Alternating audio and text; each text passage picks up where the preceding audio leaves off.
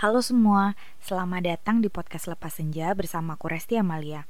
Kali ini aku mau cerita-cerita tentang uh, klub buku yang aku dan teman aku buat dan sudah jalankan selama satu setengah tahunan ini. Namanya berawal dari kata book club.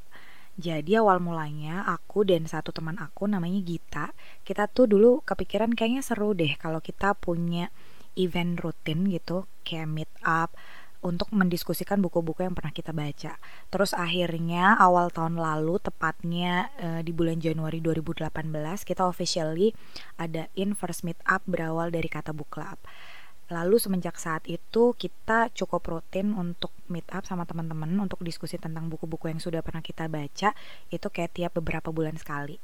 Nah, serunya lagi setelah saat itu kita tuh kayak jadi lebih punya banyak temen untuk diskusi tentang buku dan juga bisa kasih rekomendasi penulis atau buku yang bisa kita baca. Terus juga event-event literasi yang menarik yang bisa kita datangi. Nah, kalau misalkan teman-teman juga sama-sama suka baca, sama-sama suka buku dan tertarik dengan kegiatan seperti ini, teman-teman bisa follow Instagram kita di @berawal dari kata. Biasanya kita uh, post dan infoin ke teman-teman gitu kapan kita akan meet up berikutnya. Dan biasanya tuh kita meet upnya di Jakarta sih di daerah selatan lah di tengah-tengah di mana teman-teman mungkin uh, di Jabodetabek sama-sama mudah mengaksesnya.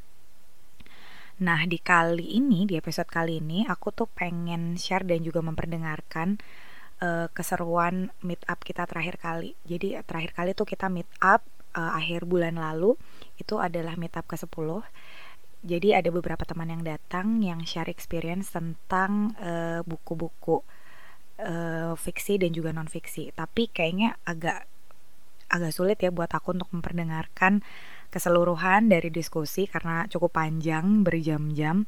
Jadi untuk kali ini aku pilih satu sesi uh, sharing yang dipimpin sama Ruth, salah satu teman kita yang datang. Jadi waktu itu kita diskusi tentang uh, satu buku yang mengusung tema tentang minimalism. Nah, di situ kita juga diskusi itu hal-hal menarik yang kita bisa uh, pelajari dari minimalism.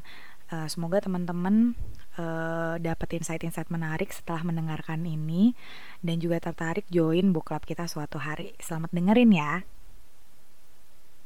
Hey, kalau aku lagi baca hmm, Seni Hidup Minimalis Francine J, Francine J, itulah namanya. Kayak judul aslinya The Joy of Living Less. Tuh, jadi ini Dia adalah penulis mana? Uh, belum poin sih karena masih dalam proses membaca luar ya? Tapi luar. ya luar luar terjemahan ini kayak buku tentang minimalis ketiga yang aku baca yang pertama Mary Kondo kalau tahu yang buku wajib apa ya. The Magic of Tidying Up hmm. ya yang kedua Fumio Sasaki yeah. yang Goodbye itu Things juga. ya itu wajib juga ya nah yang ketiga yang ini nyoba kalau premis utama sih di Marie Kondo kan uh, simpan dari semua barang yang banyak itu simpan hanya barang-barang yang sparks joy gitu jadi barang-barang yang misal biar kita setiap masuk rumah atau kamar bawaannya happy karena barang-barang itu misalnya bisa bawa memori-memori yang bagus lah kayak gitu kan. Kalau premis utamanya si Fumio Sasaki agak lebih ekstrim. Dia hidup hanya dengan beberapa belas barang dan dia menganggap even barang-barang yang maksudnya yang uh, sparks joy itu sentimental menurut dia itu juga perlu dikurangin. Karena menurut dia misalnya dia suka baca buku tuh dan dia punya uh, der, apa deretan buku yang banyak banget. Padahal dia sebenarnya nggak benar-benar ngebaca. Jadi dia cuma membuat itu supaya terkesan pintar atau terkesan literate padahal dia nggak benar-benar menggunakan buku itu dan menurut dia itu sama aja gitu. Walaupun mungkin sebenarnya sparks joy tapi wah. Lo gitu ya? I think every bookworm can relate to that gitu. Pernah ada di fase itu. Iya. Tapi nggak baca-baca gitu. Dan, dan iya. dan dan akhirnya dia juga berani cut itu dan even foto-foto sama orang-orang yang disayangi segala macam dia benar-benar berani cut dan dia simpan versi digitalnya aja gitu kan. Dan di buku ini uh, premisnya itu yang cukup menarik. Pertama kalau dari dia ngebahas dari secara makro dan dari secara mikro. Misalnya kalau dari secara makro dia ngebahas misalnya gini. Ketika kita misalnya beli barang bayangin nggak sih cost untuk punya misalnya apa ya misalnya beli baju terbaru deh di baju bermerek. Cost untuk supaya baju itu ada untuk kita itu jal apa jejak karbonnya banyak gitu. Dari segi produksi ada pabrik yang you know butuh minyak bumi dan dan pada akhirnya ada pencemaran udara dan air kayak gitu. Kemudian jalur distribusinya yang sampai kita impor barang itu dari luar negeri misalnya untuk akhirnya sampai ke ke kita dan dan produksi distribusi dan juga sampai nanti toh kita cuma pakai beberapa kali setelah itu kita buang gitu.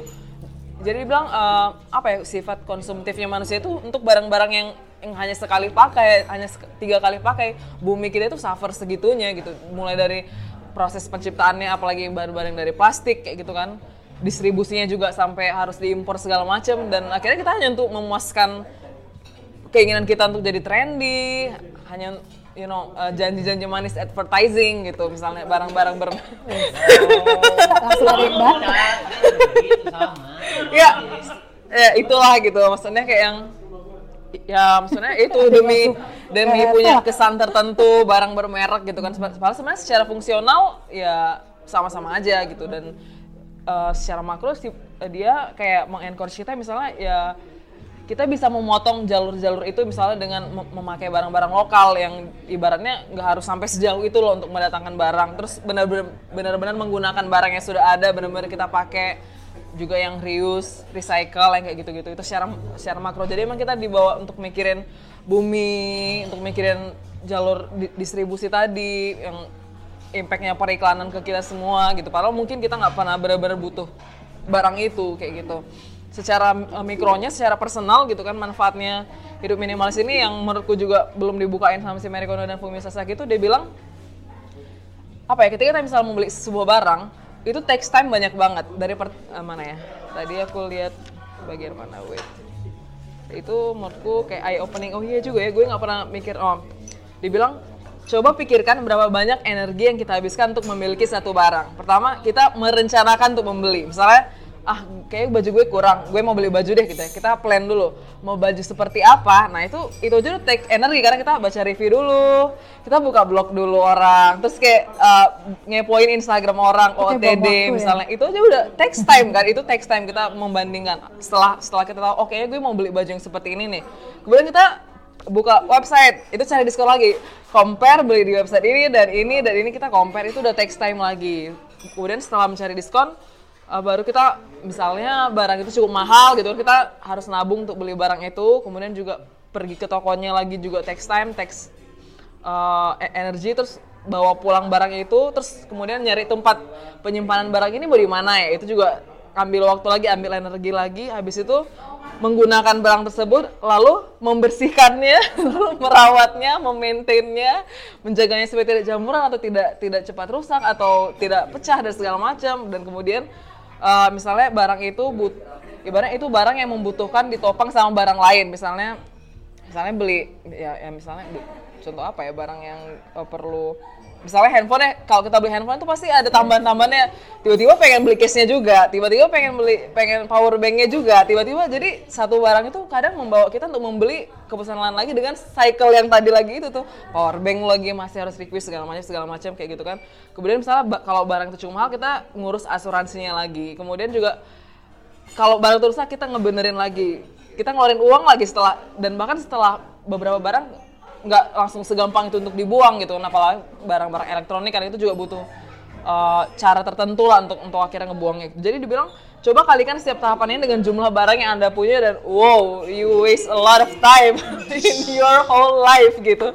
Dan itu itu opening buat gue gitu. Misalnya uh, dia juga bilang misalnya pernah nggak sih lo menolak satu opportunity misalnya untuk move ke kantor baru atau move ke kota baru ada opportunity ngejar mimpi atau ada promosi segala macam hanya for the sake of males lah pindahan bareng gue banyak gitu atau misalnya lo menolak ajaran kencan atau aj ajakan untuk ya saya ajakan untuk weekend misalnya mau baca buku karena weekend lo harus karena Senin sampai Jumat gue kerja, weekend adalah waktunya bersih bersih. Jadi kayak satu hari itu yes. ya itu, you, you apa ya, lo jadinya nggak bisa ngejar mimpi atau membuang banyak kesempatan karena untuk maintaining, membersihkan, me, yang kayak gitu-gitu sih. Dan itu menurutku Wow, itu, itu banget sih. Itu ya, happening banget dan eye opening. Aku punya teman, aku punya teman yang emang nggak mau pindah karena barangnya banyak. That's, that's the thing. Padahal mungkin ketika kita move ada hal lain yang bisa kita dapat gitu kan, Mbak. Dan itu kayak hmm. itu benar banget yang kayak mungkin kan aku ngekos ibaratnya mungkin jumlah barangnya nggak sebanyak kalau rumah ya. Aku cuma aku kayak inget banget dulu. Tapi cewek mah sedikit-dikitnya tetap aja banyak. Iya, thing. Kan cewek. Gimana gimana? Nyokap. Apa? Cewek sama cowok barangnya ini beda banget. Iya gue pernah pindahan sampai yang itu bingung mbak ini barangnya punya mbak semua? Gitu. Karena emang cewek kan gitu ya peritilan-peritilan Atau gitu. kadang kalau misalnya temen eh, bawa barangnya banyak butuhnya ngerepotin orang lain. Iya. karena pernah kejadian uh, temen gue yang orang ekspat itu pas mau pindahan kan kalau ekspat kan modelnya gitu kalau ada yang bisa dijual dijual ada yang disumbangin disumbangin Ya, ada yang dibawa dibawa Heeh, heeh. nah saking barangnya dia bejibun jadilah gue ketemuan. Bantuin nyortir. Ini kayak ini gue kayak berasa asisten pribadi tapi gratis cuman mungkin buku-buku kayak gitu ilmu-ilmu kayak gitu lumayan kasih ini ya. Maksudnya kasih insight kan kalau sekarang even kita buka medsos deh sebenarnya kan kita sasaran ya. Iya. Sebenarnya kita sasaran gitu. even semua influencer kan semuanya tujuannya Supaya membuat kita baik. membeli sesuatu Yap. yang baru gitu kan copywriter copywriter Iya. kerja. Ya kan copywriter kan gitu. Gimana caranya? Orang beli buku. target the right keywords Jadi kayak- mereka mau membeli everything we do gitu kan ke mall itu kan juga just to gitu kan. people to buy ya Dan dia bilang kita bisa, misalnya, misalnya ketika kita pengen menjadikan bumi ini lebih baik, nggak usah nggak usah jauh-jauh deh, nggak usah gede-gede banget ya kontribusi. Sesimpel tidak membeli aja itu udah itu helps the earth banget gitu dengan lo nggak ya itu tadi dengan jalur distribusi segala macam. Hanya dengan lo menahan diri untuk nggak beli deh kayaknya. Kayak masih ada yang bisa gue gunakan. Kayaknya gue harus recycle atau reuse. Nah, poin poin di mana sampai akhirnya lu change the mindset tuh kenapa? Tiba-tiba pasti kan ada poin titik kayaknya dan- nah itu apa gitu faktor yang besar banget sampai akhirnya lu ngubah 180 atau mungkin 90 tapi kamu udah ngerubah gaya hidup udah Sejak mulai- dari baca-baca yang si Marie Kondo emang udah belajar untuk lebih minimalis sih sekarang. jadi Ah, kalau ketemu buku kira-kira kan gitu ya ilmunya kan Iya. gitu ya nah, spark joy atau Spark joy. gitu kan um, apa ya? Because I'm not happy. I'm not happy with uh, kan ada istilah retail terapi ya. Jadi kalau lagi stres beli dan I I was that person yang kayak kayak gue lagi bosan atau lagi stres atau apa terus buka online shop. Shopping. Tapi waktu ya dan aku seneng kan, wih diskon nih kayak di excitement. Tapi begitu tuh sampai gitu bener dong. Abis itu kayak kenapa gue beli yang kayak I hate that cycle sih kayak oh my god there's something wrong with the way I buy things gitu dan akhirnya ketika mendalami si minimalis ini kayak udah sekarang much itu tadi kayak lebih tenang lebih calm kayak stress out udah nggak harus banyak yang diurusin nggak harus yang kayak tadi jadi lebih gampang juga untuk ambil opportunity dan segala macam weekend bisa bisa pergi tanpa harus mencuci ini membersihkan ini nyapu dan segala macam. Kayak ya emang barang gue dikit ya banyak sedikit yang gue urus dan hanya dalam waktu yang cepat selesai kelar kayak gitu. Untung lah gue gak pernah percaya retail terapi Eh, saya sempat percaya sih kayak yang ya itu itu ada dengan jargon-jargon ya namanya lo self care apalagi kan kayak emang ntar lo gaji pertama belilah sesuatu buat diri lo tapi sekarang kayak yang no itu cuma excitement awal-awal. Bener-bener kayak ketika lo buka paket kayak oh oh my god finally. Tapi habis itu kayak hari besoknya udah biasa aja kayak terus habis itu nyesel kenapa gue beli? Gue nggak pernah pakai-pakai banget kayak gitu. Dan sekarang ngerasa banget kayak space sudah lebih banyak. Terus misalnya itu tadi bisa lebih fokus ke hal-hal yang yang matter tadi gitu. Mendingan gue ketemu orang daripada gue beli kalau misalnya gue stres mendingan gue ngobrol. Kalau misalnya gue daripada buka all shop mending gue baca atau apa kayak gitu. Jadi ya bener banget sih itu takes time banget sih. Untuk keputusan membeli dan segala macam dan kalau kita alihkan untuk mendingan create something atau connect to people itu bisa lebih produktif sih. Iya. Betul John? Tuh cuma cuma memang uh, ya pasti. Maksudnya dalam dalam setiap movement pasti ada pro kontra dan ya memang uh, buat buat beberapa orang gaya hidup minimalis itu emang utopis ya. Maksudnya kayak ya, terus maksud lo perusahaan itu tutup gitu. Kalau lo tutup uh, perusahaan-perusahaan bermerek segala macam atau sesimpel tadi terus copywriter kerjanya apa? Ya I mean kayak itu sih. Itu pilihan sih. Ya pilihan dan menemukan sweet spot antara gue ya gue juga pasti setiap kita juga kadang perlu emang pengen barang baru atau kita harus keep up sama tren juga supaya nggak dianggap uh, apa left behind dan segala macam. Cuma maksudnya jadi lebih mindful aja dan lebih berpikirnya nggak impulsif beli impulsif ini tapi lebih lebih bisa mikir dua kali atau lebih bisa nggak gampang kemakan iklan walaupun pekerjaannya copywriting. Tapi kayak ya ya udah. Buat emang menemukan aja. buat orang lain aja ya buat dia tidak benar iya benar.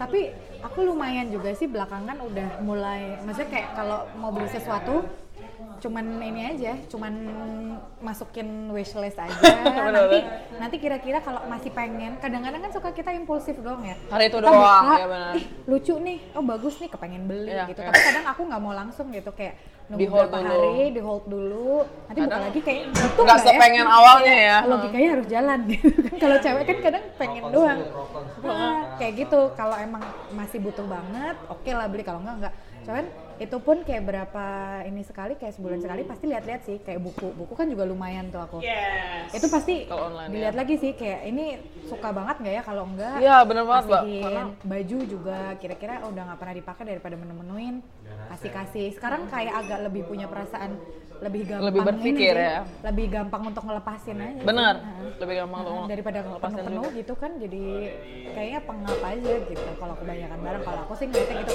walaupun nggak bisa seminimalis kayak Fumio Sasaki gitu Iya, ya iya. rumahnya plong gitu Plong, plong. gitu Tapi pengen sih, kalau saya sih pengen Iya. someday bisa. iya bisa gitu kan Aku nggak pernah beli baju tidur. Semua baju tidurku tadinya baju pergi. Terus Yang udah nggak kepake ya. Oh iya. Dan semakin kucing semakin nyaman sih katanya. turun pangkat bener bener bener.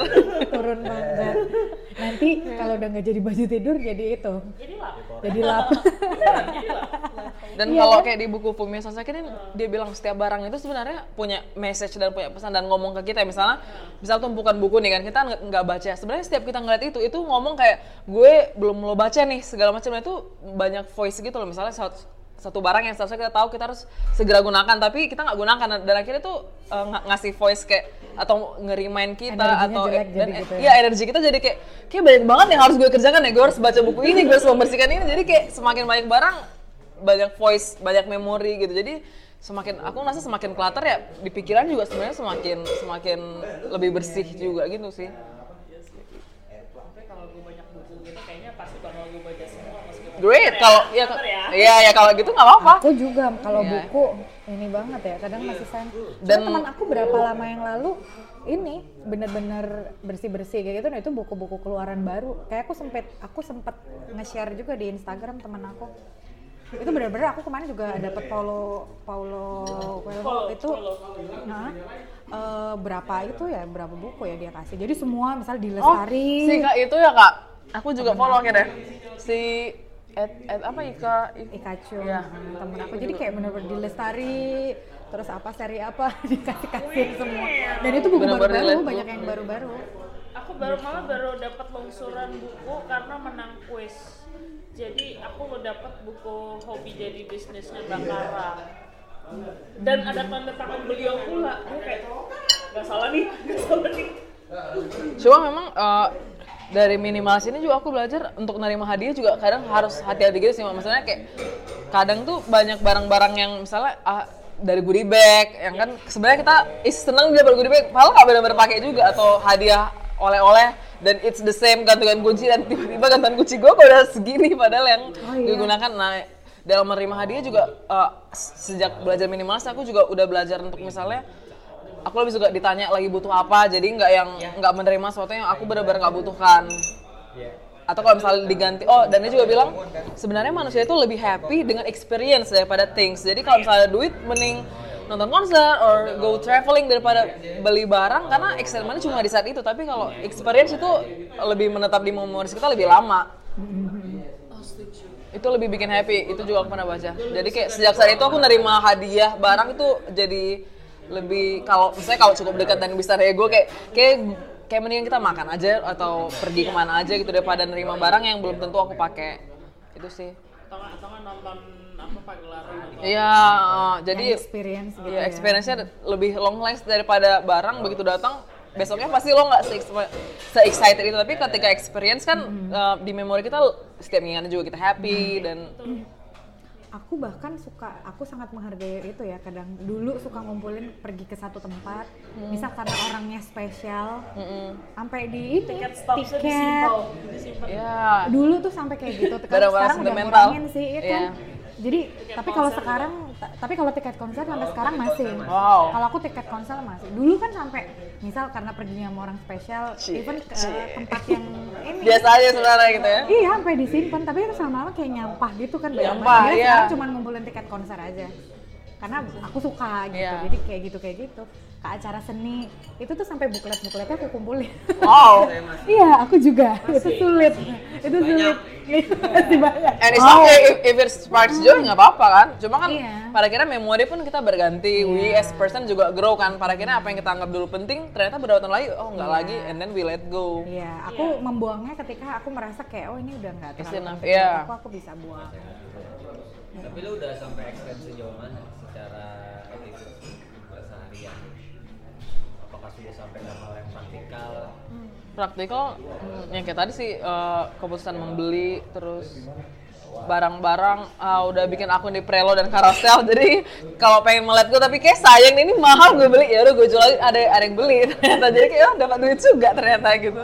Kayak gitu-gitu terus em, apa ya kalau aku sendiri sih cu- udah udah cukup banyak perubahan lah gitu. Cuma kadang mikirnya eh, karena misalnya di circle sendiri nggak semua bisa terima jadi kadang-kadang misalnya kayak teman ngajakin shopping I, I hate malls. Kalau aku ya I hate go to malls karena I hate making decision membeli dan segala macam it takes energy so much gitu. Sementara teman sukanya kayak gitu. Teman sukanya ngikutin yang terbaru. Teman sukanya shopping kayak gitu-gitu. Nah keep up sama orangnya sih yang yang lebih suka misalnya with if, if one day berpasangan juga kadang-kadang mikir bisa nggak ya gue sama orang yang nggak minimalis? Karena gue bakal stres dong sama barang dia ya barangnya gitu kan kak. Misalnya kita udah cukup minimalis untuk ini tapi kalau dapat keluarga atau di keluarga sendiri yang Tapi masih cowok belum mungkin bersyukur ya kalau cewek gitu ya John.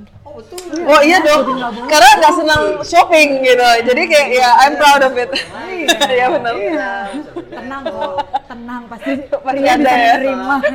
tenang, pria itu justru nggak bahagia. Iya, iya, iya. Karena biasanya kan yang lebih banyak belanja cewek. Cewek. ya kan?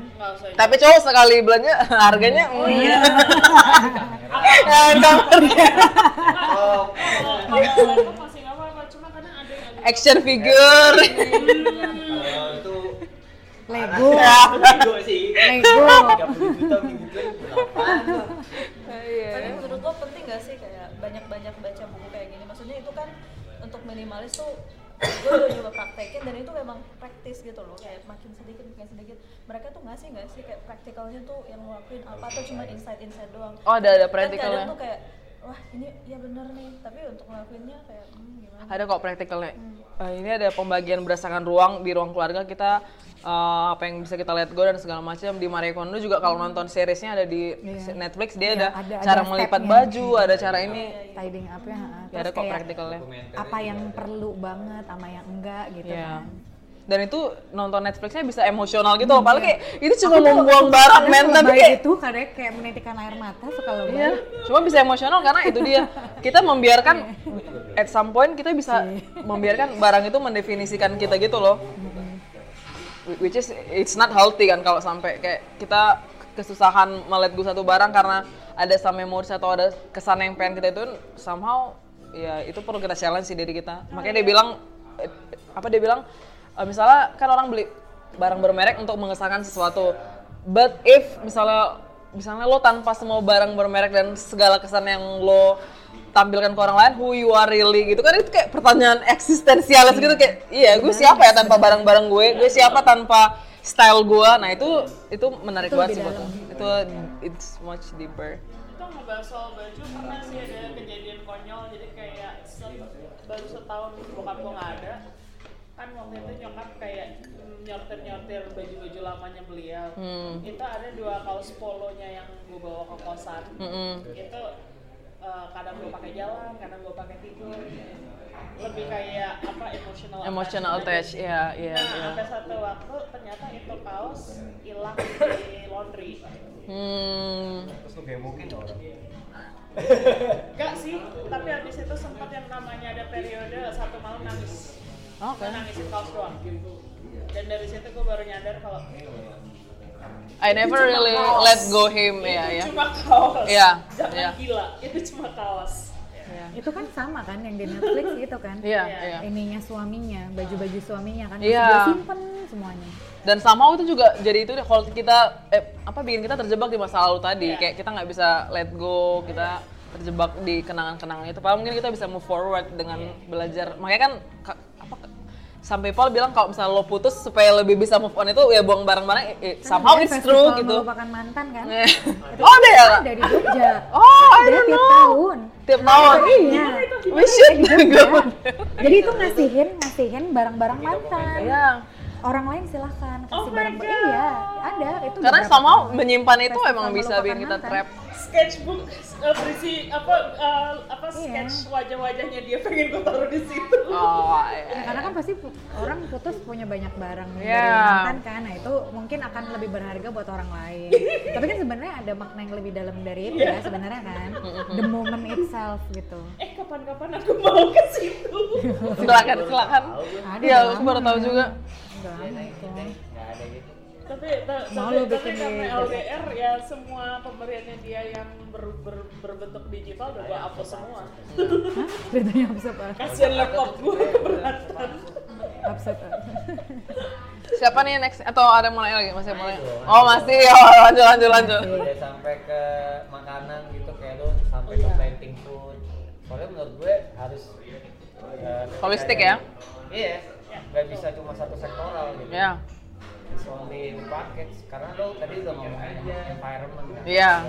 itu udah sampai ke makanan kan atau lo masih yes will be growing the dead point Kalau makanan em, idealnya idealnya emang vegan ya. Maksudnya vegan karena nanti ya ya kita tahu kalau kita misalnya masih animal uh, based food itu yang ya peternakan mengambil banyak lahan dan segala macam segala macam uh, alasan nutrisi juga. Cuma ya gimana ya karena ada faktor-faktor di mana lo sudah dibesarkan di tengah masyarakat yang dari kecil lo makannya itu jadi untuk mengubah satu habit I think it's not that easy. Dengan membaca buku tiba-tiba selera gue hilang. Itu gue itu masih terus berpuas sampai sekarang. Cuma itu tadi lebih mindful. Misalnya uh, beli makanan kalau bisa ma- makan di tempat at- uh, atau misalnya dikurangin stereofoamnya atau segala macam aku lebih memilih itu gitu Ini lah. aja nih, ini aja pasti ko- kontroversi kan? Iya masih kontroversi. Karena Sedotan SJW kan.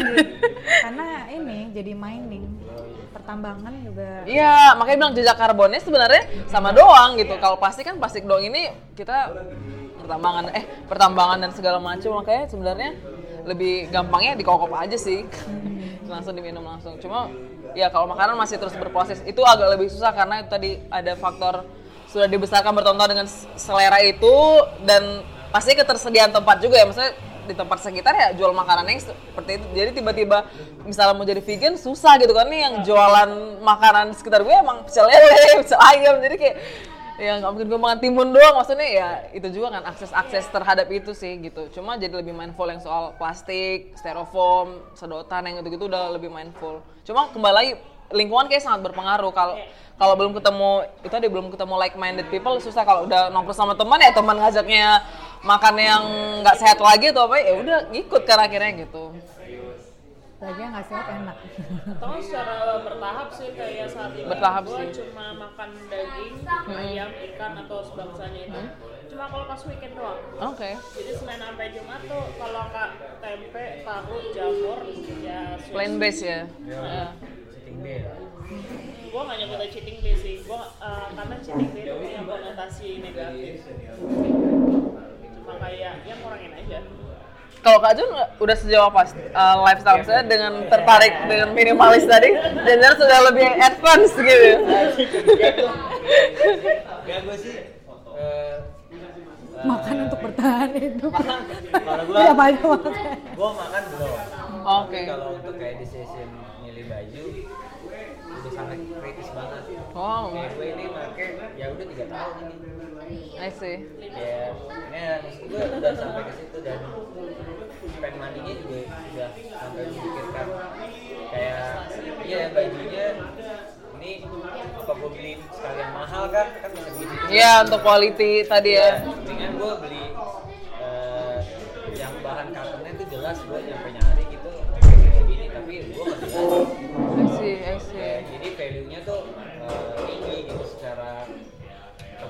juga gua ya udah nggak apa-apa nih tapi kalau gue hitung per tahun misalkan gue beli 12 baju toh sama ini sama aja gitu sih Terus gue jadi kepikiran beberapa hari yang lalu tuh nonton YouTube channel. Jadi sharingnya satu pengusaha gitu lah ya. Jadi dulu dia sangat ini banget konsumtif banget, tapi konsumtifnya ngeredit, ngeredit gitu kan. Terus eh, dia tuh kebetulan zaman dulunya tuh MLM gitu ya, tapi bukan bermaksud ini orangnya MLM Iya, itu kan iya, pilihan iya. ya. Cuman waktu itu dia cerita bahwa dia di MLM itu udah punya jabatan lah, dan ketika udah punya jabatan dia kan harus nampak di depan orang lain bahwa dia a successful person gitu kan. Dan dia berusaha untuk untuk menampakkan bahwa dia sukses, tapi dia ngeredit macam-macam. Akhirnya dia sampai di tahap yang sangat stres gitu ya. Dia punya banyak barang yang oke-oke tapi semuanya ngeredit. Sampai satu hari dia ngerasa bahwa gue ini sebenarnya penghasilannya gede tapi ngerasa kurang terus kayak gitu. Sampai satu hari dia pulang jam 2 Ntar ghosting jadi Nah, terus dia pulang jam 2 pagi, anaknya kepengen beli susu, terus udah kayak gitu, ternyata pas dia ngambil, kok nggak bisa gitu kan, 100 ribu dia narik nggak bisa, 50 ribu dia tarik nggak bisa, ternyata dicek ATM-nya dia tuh cuman 20 berapa ribu, sementara susu anaknya tuh 30 berapa ribu, dia kesel banget. Nah titik di situ dia menyadari bahwa kok kayaknya hidupnya selama ini penghasilan habis karena buat nyicil, penghasilan habis buat nyicil. Itu buat renungan buat kita juga sih, orang kita kan Ya menengah Iya, menengah orang ini. kita kan orang kita sekarang kan kayak gitu ya emang. Iya, iya. Akhirnya dia eh, ngomong ke istrinya gitu. Kita kayaknya harus jual mobil-mobil. Bahkan sampai mesin cuci kata dia waktu itu mesin cuci dia aja ngeredit dia bilang gitu kan. Akhirnya udah dibalikin aja. Akhirnya rumah dijual dan segala macam. Akhirnya dia ngontrak rumah Turnover petak ya. pakai motor orang lain melihatnya tuh kasihan sama dia padahal dia happy kata dia. Jadi dulu dia banyak duit tapi dia nggak happy karena uangnya habis doang gitu. Kayak sekarang justru dia ngerasa happy kayak gitu. Ya mungkin nyambung ke situ juga ya. Terus tapi ini jadi belajar sih. Terus kayak dia ngelihat kayak orang zaman dulu kan sebenarnya kelihatannya mungkin bukan bermaksud ngeli- apa mengecilkan orang desa ya. Tapi kayak orang zaman dulu kan penampilan biasa aja tapi tanah di mana-mana gitu. Iya. hartanya banyak orang sekarang kelihatannya kece tapi ternyata nggak ada tabungan apa itu kan banyak gitu Iya. kan karena untuk menghidupi karena untuk menghidupi lifestyle-nya. Untuk- iya kan? Kalau sekarang kan lifestyle biaya lebih tinggi kan kayak gitu. Jadi si orang ini sih ngajarin bahwa itu untuk nginiin utang lah. Hidup tuh jangan jangan cuman apa kayak kerja buat bayar utang cicilan-cicilan intinya kayak gitu mendadak teringat yang menolak 8 juta itu itu waduh itu kan nyambung juga ya itu Iya iya iya. Udah sudah fresh grade UI nggak segitu sih. Iya iya. Ui, malu Iya, aku nggak segitu sih. Itu itu dia dia dia belum merasakan pahitnya kehidupan Iya. susahnya cari aja belum belum pernah ngerasain susahnya cari kerja sampai sampai dulu pernah ngomong sama murid-muridku yang ABG yang apa ya, yang baru lulus kuliah lulus SMA kayak trust me guys once you hit the real world it doesn't matter Iya. Iya iya benar. Lulusan ngomong mana ya sih benar. Iya. Mereka cuma pengen tahu lo bisa apa Iya. Yes. Ya, penting itu doang. Jadi mungkin nyambung yang tadi itu yang sama aku tonton itu tuh kayak iya sih kadang ya itu kayak kita pakai baju berpenampilan apa kan karena kita kepengen dianggap Impress jadi people, apa ya. ya. padahal sebenarnya Not ya udahlah whatever sebenarnya ya. Ya nggak penting gitu. Jadi dulu si orang ini tuh bener-bener ya orang lain kasihan gitu sama dia ngelihatnya gitu padahal dia happy gitu. Terus akhirnya dia sukses. Cuman gara-gara jualan apa sih yang buat bahan bakar biar irit gitu tahu nggak sih siapa tahu, namanya. Arli ya? Iya iya iya. Arli siapa iya dia dalam waktu tiga bulan dari cuma Apaan? modalnya sembilan ratus ribu dia bisa dapat berapa miliar Eh, gitu. kalau di bensin motor tuh kan dikasih cairan? Iya Asturi apa apa lupa gue nama mereknya apa. Pokoknya masalah awalnya tuh peng- pengemudi motor tuh cepet banget kehabisan bensin. Heeh. tapi kalau pakai cairannya si itu tadi jadi irit jadi gitu. irit. Wow. Jadi Dia- kayak misalkan dua puluh ribu tuh tiga hari ya mungkin dua puluh ribu lima hari. Oh iya iya iya iya. Gua jadi jadi si orang ini juga nge-share maksudnya gitu. Ya hidup tuh belilah yang penting-penting aja. Terus ketika kita belum bisa beli sesuatu ya berarti memang kita belum mampu aja. Bukan deh Iya, kan iya. kalau orang sekarang kan banyak kan yang gimana caranya untuk bisa beli barang ini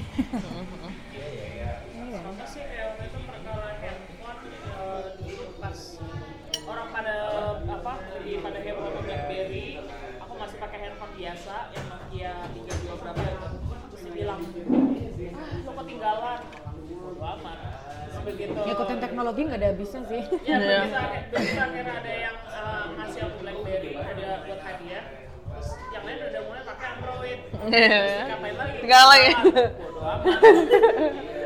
terus begitu Nggak ada aku bisa sih. baru pakai Android yang lain udah pada iPhone.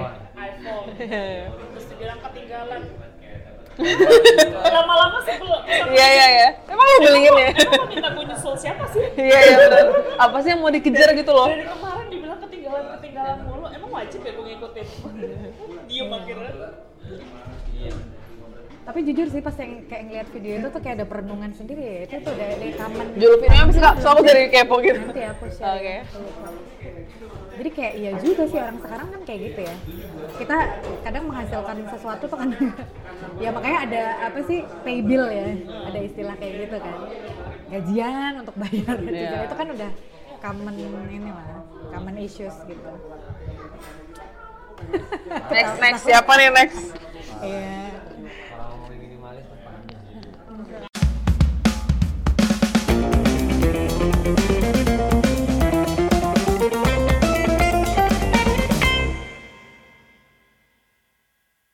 Terima kasih sudah mendengarkan podcast Lepas Senja. Sampai jumpa di episode berikutnya.